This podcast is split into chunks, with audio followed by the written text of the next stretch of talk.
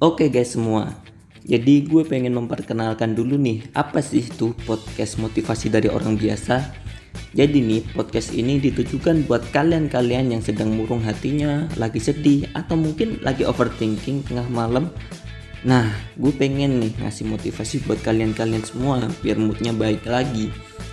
Mungkin kalian udah capek sama orang-orang sukses yang nyeritain kesuksesannya buat motivasi orang-orang. Tapi kalian malah nangkepnya jadi iri terus kalian ngerasa mereka jatuhnya jadi sombong atau mungkin kalian mikir ah itu kan karena mereka punya privilege jadinya bisa sukses kayak gitu. Tenang kalem santai aja bos. Podcast ini dinamai motivasi dari orang biasa karena emang yang motivasi dari orang biasa-biasa aja. Nggak ada prestasi yang gemilang.